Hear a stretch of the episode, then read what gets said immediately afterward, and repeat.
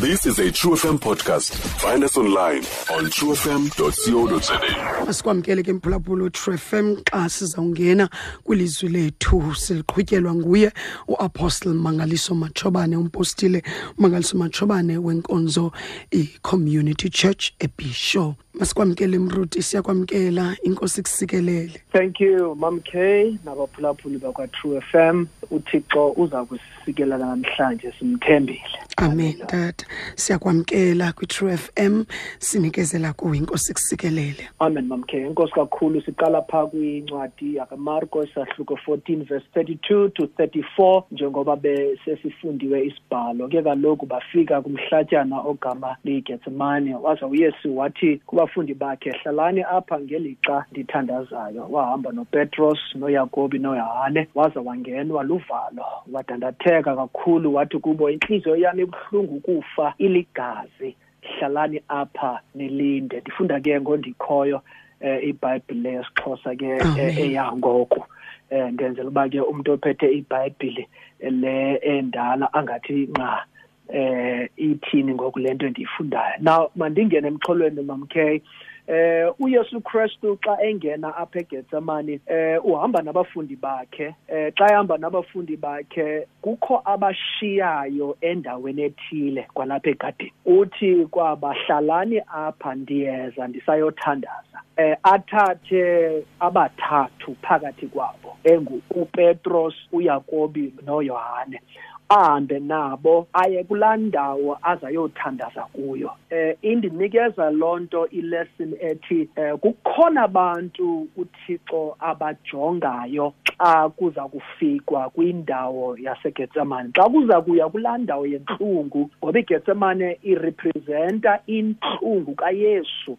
Eh aza kuyifilisha ngela xesha ecinga ukuthi kanene kufuneka enze umsebenzi omkhulu wokuthwala izono zomhlaba. Kukho abantu abakhethayo ke uYesu okunguYohana uPetros noYakobi akathathi wonke umuntu ezi sithathu esasihamba naye ngela xesha eh kuLuke 9 enyuka intaba eza kuguqulwa ebonakala eno Eli ebonakala eno Moses kulamntaba apha eguqulwa khona enobuqaqawuli also this three wayithatha ifuna ithi ke lonto kum eh, kunabantu uThixo abajongayo ngeli xesha xa kugqithwa ebunzimeni. Xa kuzawuthandazwa izinto ezi serious i'm sure wayecinga uyesu uba bakhona bangazukwazi ukwalifaya ukungena nam xa ndingena enzulwini yentlungu uyesu kristu wayebathembile uyohane upetru noyakobi wabathemba eh, ngobuqaqawuli waphinde wabathemba nangexesha esentlungwini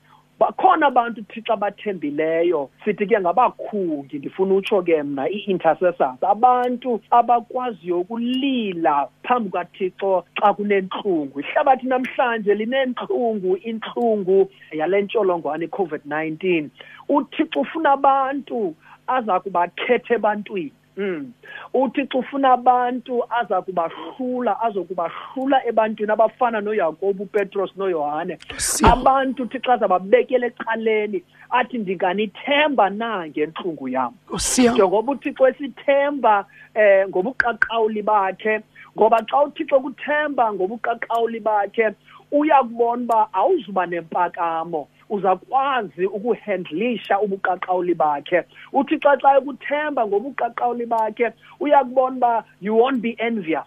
Awuzuba nento ebawela hey i wish ibindim uthixo uyakuthemba njengoba ekuthemba ngobuqaqawuli ngento ezinkulu usithembile uthixo ke ngempumelelo. Kuba mandi ke xa sithemba ngempumelelo nangezintsikelelo siva kamandi kodwa uyakwazi naphinda asithembe ngentlungu ngoba kaloku ayibo bonke abantu abakhwalifayayo ukuthenjwa nguthixo ngeemeko zonke Nkosi yam. zikhona iimeko ezifuna abantu abakwaziyo ukuthandaza abantu abakwazi ukufuna ubuso bukathixo ebumnandini nabantu abakwazi ukufuna ubuso bukathixo entlungwini Nkosi yam. abo bantu ke namhlanje uthixo afuna usikhetha kule meko esikuyo ehlabathini liphela le meko e-covid-19 thixo ufuna abantu isithathu the comp just that three. I- ikhampani yaba bantu abathathu. Isithathu nje sawo uyohane uyakobo upetros abantu abakwazi ukunqu- ukuthanda ukukhunga balile. Uthi uyesu kristu lindani apha. Akathi kubohlalani apha. Uthe kwabanye hlalani apha ndiye yothanda. Uthi kwabo bathathu lindani. There's a difference ke mamke kukumahluko Amen. phakathi kokulinda nokuhlala. Mhm. Ukulinda ulinda emthandazweni. Silindile ke nathi nakule lockdown. Nkosi yam. uthixo sikhethile uthi lindani ukulinda okusivalelekile silindile. Silinde kodwa ukulinda masingahlali. Ndifuna utsho kubaphulaphula masilinde. Masingahlali njengabantu abakhedamileyo noba abantu angathi bahleli eh, ngaselwandle no no no masilinde. Ulinda ke emthandazweni. Akuhlalwa nje kuyalindwa. Yes, kulindwa kuthixo. Yes, kulindwa ngomthandazo. Kulindwa ukuba because siyayibona uba ikhona into enzekayo noba sikwazi uyithetha uba yintoni ikhona into uthixo aphezu kwayo Ewe, Nkosi. emhlabeni. Ikhona into uthixo ayenzayo there's never been ixesha elifana neli mamke Nkosi yam. Apho ihlabathi lonke likhala ngento enye. Silila isililo esinye asi you know it's one thing esikhavarishayo sonke ithetha uba ikhona into uthixo aphezu kwayo. Yes, uthixo Lord. ke ufuna abalindi abakwazi ulinda bahlale behlele emthandazweni. Indikhumbuza le nto abacengane nothixo. Ewe, Abantu Nkosi. abakwazi ucengana nothixo. Ewe jehova ndikhumbuza le nto uabhigeli wena mamkhe uabhigeli owacengana nodavide ngenxa yobudenge bomyeni wakhe unabhoti Awu, owathi Nkosi. sekekhuselwe um kwakhuselwa impahla yakhe emfutshane kwakhuselwa abalusi bakhe udavide wacela nje oku- ukutya unabhoti waphendula ngaloo ndlela aphendula ngayo uthixo kodwa ibhayibhile ithi uabhigeli wayengunkosikazi onobulumko Ewe, Wange- Nkosi. wacengana nodavide ukuze ingqumbo yakhe ihle uthixo ufuna ucengwa Ah, ngomzuzu Nkosi ngoba yam. uyesu wacengana nothixo kulaa gadini yasegetsemane Nkosi yam. ebona intlungu ezayo athi nkosi le ndebe kutheni ingagqithi na mayigqithe le ndebe kodwa ke makungenziwa eyam intando Ewe, makwenzeke Nkosi. eyam intando. It's so important bazalwane ukuthi siyazi uba uthixo uyacengwa. Ewe nkosi. Kuyathethwa naye. Kodwa uthixo Oh. kamameli nje nabani na. Kuneemeko ezithile. Uyakhumbula ngalaa xesha uester um kwakuvela into phaa kwasirayeli kuzawutshatshaliswa usirayeli wonke. Wavela umedekhayi wathi ester khawuhambe uyosicelela kukumkani umcelele ukuthi makasixolele. Wathi Ewe, ester Nkosi. andivumelekanga nokuthi ndivele phambi. Umkumka awuvele uvele nje kukumkani uzawubulawa xa ungabizwanga kodwa Ewe, uester Nkosi. kodwa umodekhayi wathi ester iya sizawuthandaza wathi uester wathi wazicelela wathi masithandaze sizile ukutya iintsuku zibe ntathu ewe mhlawumbe nkosi eli lixesha lokuthi bazalwane bam sike sithandaze sizile ukutya ngeli xesha lepasika kanje. Ewe, Nkosi. mhlawumbe eli xesha ngoba uyesu kaloku wafa ngesuku lokuqala wavuka ngesuku lesithathu mhlawumbe nathi siyadingeka ukuthi sike sithathe iintsuku ezintathu. Si- si- sike sifune ubuso bukathixo sike sizile ukutya ukuze sikwazi uba sifumane uloyiso. Wangena ngenxa yoba ethandazile kuthandaze nebandla lonke libe ngakuye lithandaze lizila ngoba uthixo uyacengwa. Wangena uester xa engena ukumkani waphakamisa eh you know isword yakhe wathi ngena Esther wamamkela therefore namhlanje nathi kufuneka sazi ba uThixo ucengwa njani. Ngoba xa kunje kufuneka abantu hayi abantu abazathi intoni kwenzeka lento masingabuzwa intoni akasana mpendulo intoni ngoba into yona iyenzeka. Makufumane abantu abakwazi ucengana noThixo. Ewe, uyesu ke Nkosi. usegadini yasegetsemane uthi xa engena ithi ibhayibhile wa- wawela phantsi eh wa- wadandatheka wathi wathi inhliziyo yami ibuhlungu ukufa iligazi. Hlalani apha nilinde. Ibhayibhile iyasixelela ke wacenga uthixo wakhe. Wathi xa ethandaza wathi kuye nkosi ehambela phambili wawa emhlabeni ithi ibhayibhile wathandazela ukuba loo ndebe ikrakra mayidlule kuye esithi bawo wena akuxakwa nto. Ewe, isuse Nkosi. kum le ntlungu. Noko ke makungabi kokuthandwa ndim makube kokuthandwa kwakho. It's very important ukuthi simcele uthixo simcenge ukuthi inkosi mayisuke le ndebe. Indebe yantoni lena? Nayi i-covid-19 ihlela apha phezu kwethu. Indebe indebe yenhlungu indebe ebulalayo. Uthixo makasincede makasenzele inceba indawo yokhunga ke le bazalwane ngoba kaloku awuye emnqamlezweni ungathandazanga. Mm. siya awuyi emnqamlezweni ungazange uthandaze ukuzile ukucela uthixo ucela amandla kuthixo. Yiloo nto uyesu xa ebajonga abafundi bakhe behlela apha besajongene uthi kuba xa ebuza uthi nisalele na? Because Nkosi. abanye abantu abayiqondi into yokuba kuqhubeka ntoni ngoku abanye baqonda uba hey yicovid ethene kwenzeka ntoni? Kukho nje i-sense of um into ndingathini ukupholelwa eh, for a lack of a better word. Kho nje into epholelwe ethi eyi sake siyibone le nto. Ayilo xesha lobukela eli, Ah, alo xesha lobukela. Lixesha lokubuza uthixo ukuthi kuqhubeka ntoni ungasingenza ntoni thixo? Yiloo nto Ewe, uyesu athi Nkosi. makungenzeke yam intando makwenzeke yakho intando. Siyayazi siyanqwenela ukuthi eh, le ndebe igqithe kodwa ekugqibeleni ayontando yethu eza kwenziwa kuza kwenziwa Siya. intando kathixo siyafuna futhi siyamcenga uthixo siyambongoza siyamcela Ewe, ukuthi Nkosi. mayigqithe le ndebe ye-covid-19 Ewe, Kaloku Jehova. igqiba umzi igqiba abantu Nkosi. Siyamcela uThixo, noba senze ntoni natarhu yehova Ewe, iba Nkosi. nofefe kuthi. siyamcela siyamcenga uthixo kodwa noba kunjalo makungenzeke yethu intando ibonisa imaturity ke loo nto Ewe, eh, bazalwane Jehova. bam, ukuthi noba simcenga uthixo kodwa sisamvumela abe nguthixo. Ngoba noba simcenga uthixo mayenziwe kodwa intando yakhe. In other words noba sifuna izinto zihambe ngendlela ethile siyayiqonda uba uthixo uneyakhe iplan uthixo uneyakhe injongo. Hleze ngale ntlungu asibuyisele kuye. Hleze ayisebenzise uthixo le ntlungu ukuthi sijike siguquke endleleni zethu ezigwenxa Ewe, Hleze Nkosi. uthixo ayisebenzise le ntlungu ukuthi simfune tani Ewe, sifune tani Jehova. ubungani bakhe hleze Yes, Lord. sesipholelwe mhlawumbe bese singasamoyi nomoya uthixo Ah, Kodwa ngoku Nkosi. uthixo uzayisebenzisa le debe le Yes, ndebe ebuhlungu Lord. yentlungu ukuthi sibuyele kuye hleze Yes, Lord. ikwalicebo likathixo ukuthi siphinde siyokhala siyolila sikhumbule Ah, iimfundiso Nkosi. lelizwi lakhe Ah, hleze Nkosi. uthixo uyayisebenzisa le ntlungu ukuthi singafani nabantu Ah, abahambe Nkosi yam. ngathi asinathixo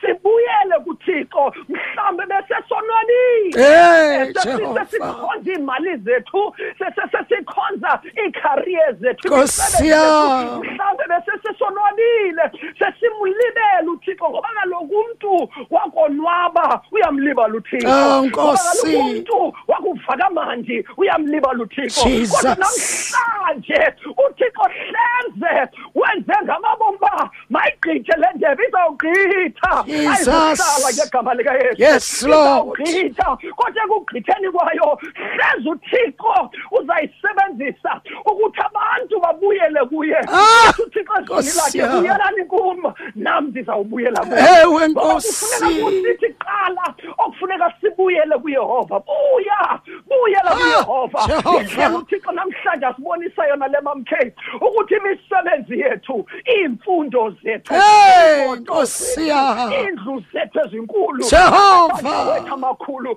ake asebenzi xa sekunje. Hey. akabalelwa nto xa sekunje. Oh. ngoba naku sihlela apha ezindlini amandla. Nazi icawa zihleli zodwa sihlela apha ezindlini. Iimoto ziindawo ngoba ezo moto sizithandayo um azindawo Jesus. akho xesha loqhayisa Jesus. Sihlela apha ezindlini loo misebenzi esipha isenzi eh, u- ino- laa nto ye- yesidima sihlela apha senza inda senza into ngoba yonke le nto eh, uthi usole usolomoni ngamampunge uthi ngama it's vanity. Siyayibona ke ngoku ukuthi eyona nto ibalulekileyo ukuhlala nothixo. Intlungu ke mphulaphuli wo-two f m inendlela emsondezayo umntu kuthixo. Ah, inendlela emenza umntu afune uthixo. Intlungu uthi uyesu xa ehleli phaa egetsemane ethandaza uthi ewe mayisuke le ndebe kodwa ngenxa yomsebenzi okufuneka ndiyowenza ndifele ihlabathi makungenziwe yam intando makwenzeke yakho intando siya namhlanje ke nathi masimcela uthixo ukuthi izwe malifunde into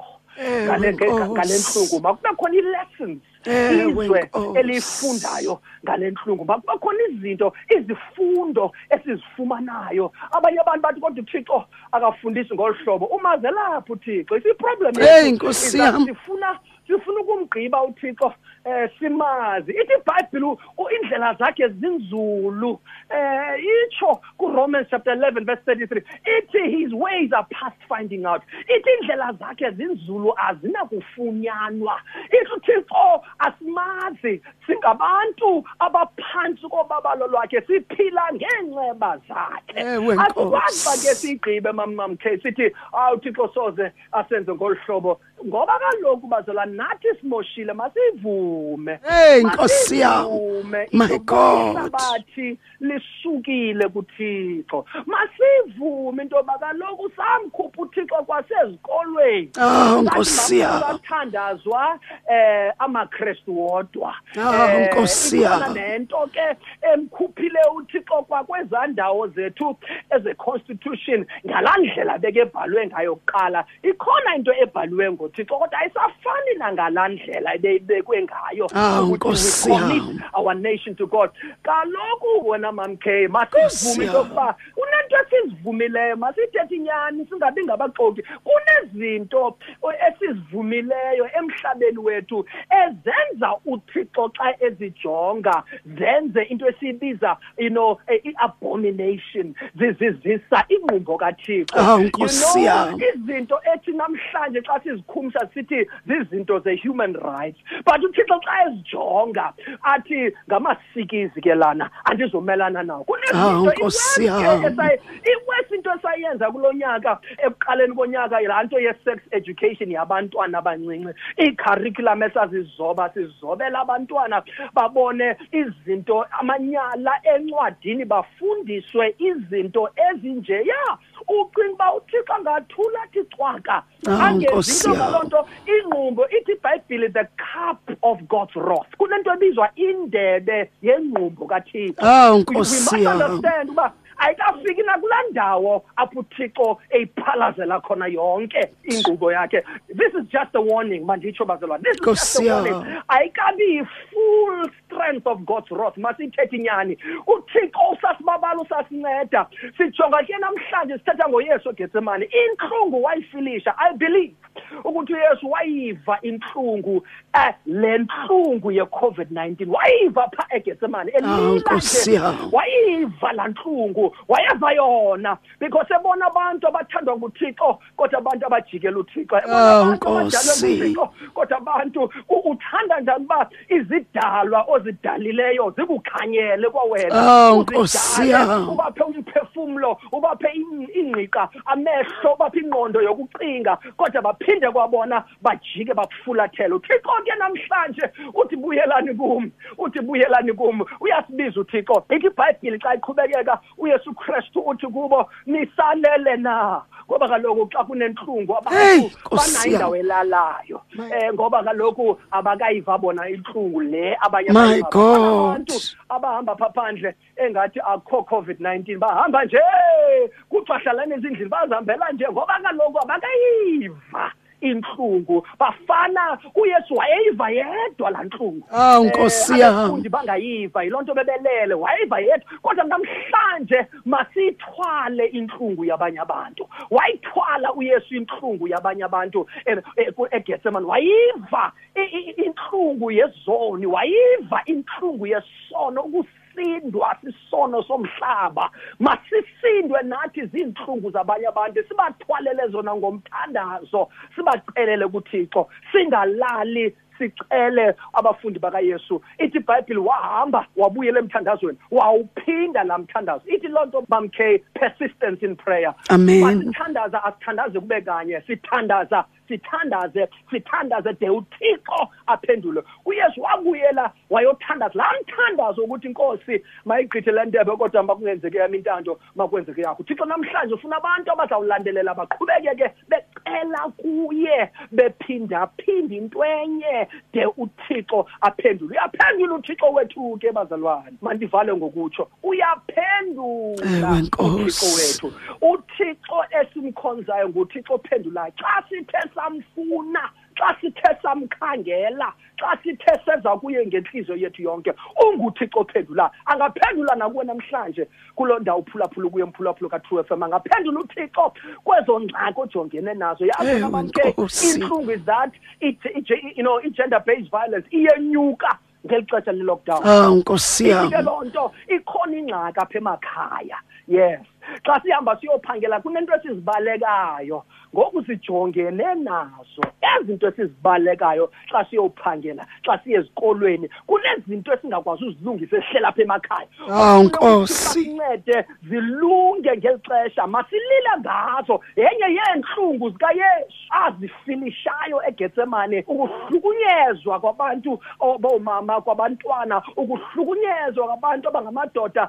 Generally yonke nje i-gender based violence uthixo uyesu wayiva laa ntlungu. Ukuthi kanti umuntu ngumntu onjani kutheni opressa omnye umntu? Masimcele namhlanje uthixo siyifinishe laa ntlungu siyithandazele. Ndiyafuna ke xa sizawuvala ithi ibhayibhile ithi hlalani emthandazweni ukuze ningangeni ekuhendweni Nkosi yam. sizawendwa kwempostile wam sizawendwa xa Nkosi yam. singathandazi um sizawendwa Si- usathane yazi ikhona isaying yes yesilungu ethi an idle's mind is the devil's temple Nkosi yam. eh, engenanto yokwenza eh, iba yindawo yokwakhela kukasathane My God. xa kunjena kufuneka umuntu azicenge eh abe nento yokwenza econstructive. Amcele uThixo athi inkosi khawundiphe ndithandaze. Khawundiphe ndike ndenze into enhle. Mandike ndifonele omnye umuntu ndike ndithethe izinto ezilungileyo. Mandike ndenze ubuhle. Uthixo makasincede ngale ngeli xesha singahendeki singahendwa ngusathane ngoba ebona uba asinanto yokwenza. Adrobhe noba yintoni na engqondweni zethu. Masimcele uthixo ngeli xesha ukuthi asibuyisele kwizinto ezibalulekile kwizinto ezifuneka uba kanti besizihoyile ixesha le ndiye ndithi ixesha le-reset. Uyabona i-reset Amen. kwabantu abanezinto ezi-gadgets? Um uye uthi xa into yakho i-electronics yakho xa zingasebenzi upress ureset uyiqale phantsi into. Siphaa mamk um kuyeremiya chapter 18 verse 1 apho Yes, ethi, Dad. and idongwe lamosheka ezandleni zombumbi. Wathi mandiphinde ndiliqale phantsi masike siqalwe nguthixo. Amen. masike siqalwe phantsi nguthixo kweli xesha. Bawo ngegama likayesu kristu wasenazareta siyabulela ukhona namhlanje naba bantu bakho nkosi bakuphulaphule. Ndiyacela namhlanje thixo chukumisa omncinci nomdala. Sincede nkosi sijike sibuyele kuwe egameni likayesu kristu wasenazaretha. Thixo wethu siyaguquka siyavuma izono zethu asenzanga kakuhle. Namhlanje nkosi siyazivuma izono zethu. Ithi ibhayibhile xa sithe savuma nkosi izono zethu xa sithe sakholwa ngentliziyo savuma ngomlomo uba unguwe. Inkosi yethu sakusindiswa namhlanje siyacela ke bawo usixolele izono zethu egameni likayesu kristu wonke umntu ophulaphule namhlanje makahlaziye abuyele kuwe nkosi. Intlungu yale covid-19 mayisiguqule isisondeze kuwe ngelihle igama eliphilileyo igama likayesu kristu amen. Amen. Mandibulele tatam inkosi kusikelele. Thank you so much. Uba wabe nawe thank you. sibonge siyabulela sibambe ngazo zibini. Kumpostile. Stream True FM online on truefm.co.za. sikho yonke indawo ngalo lonke ixesha like no one else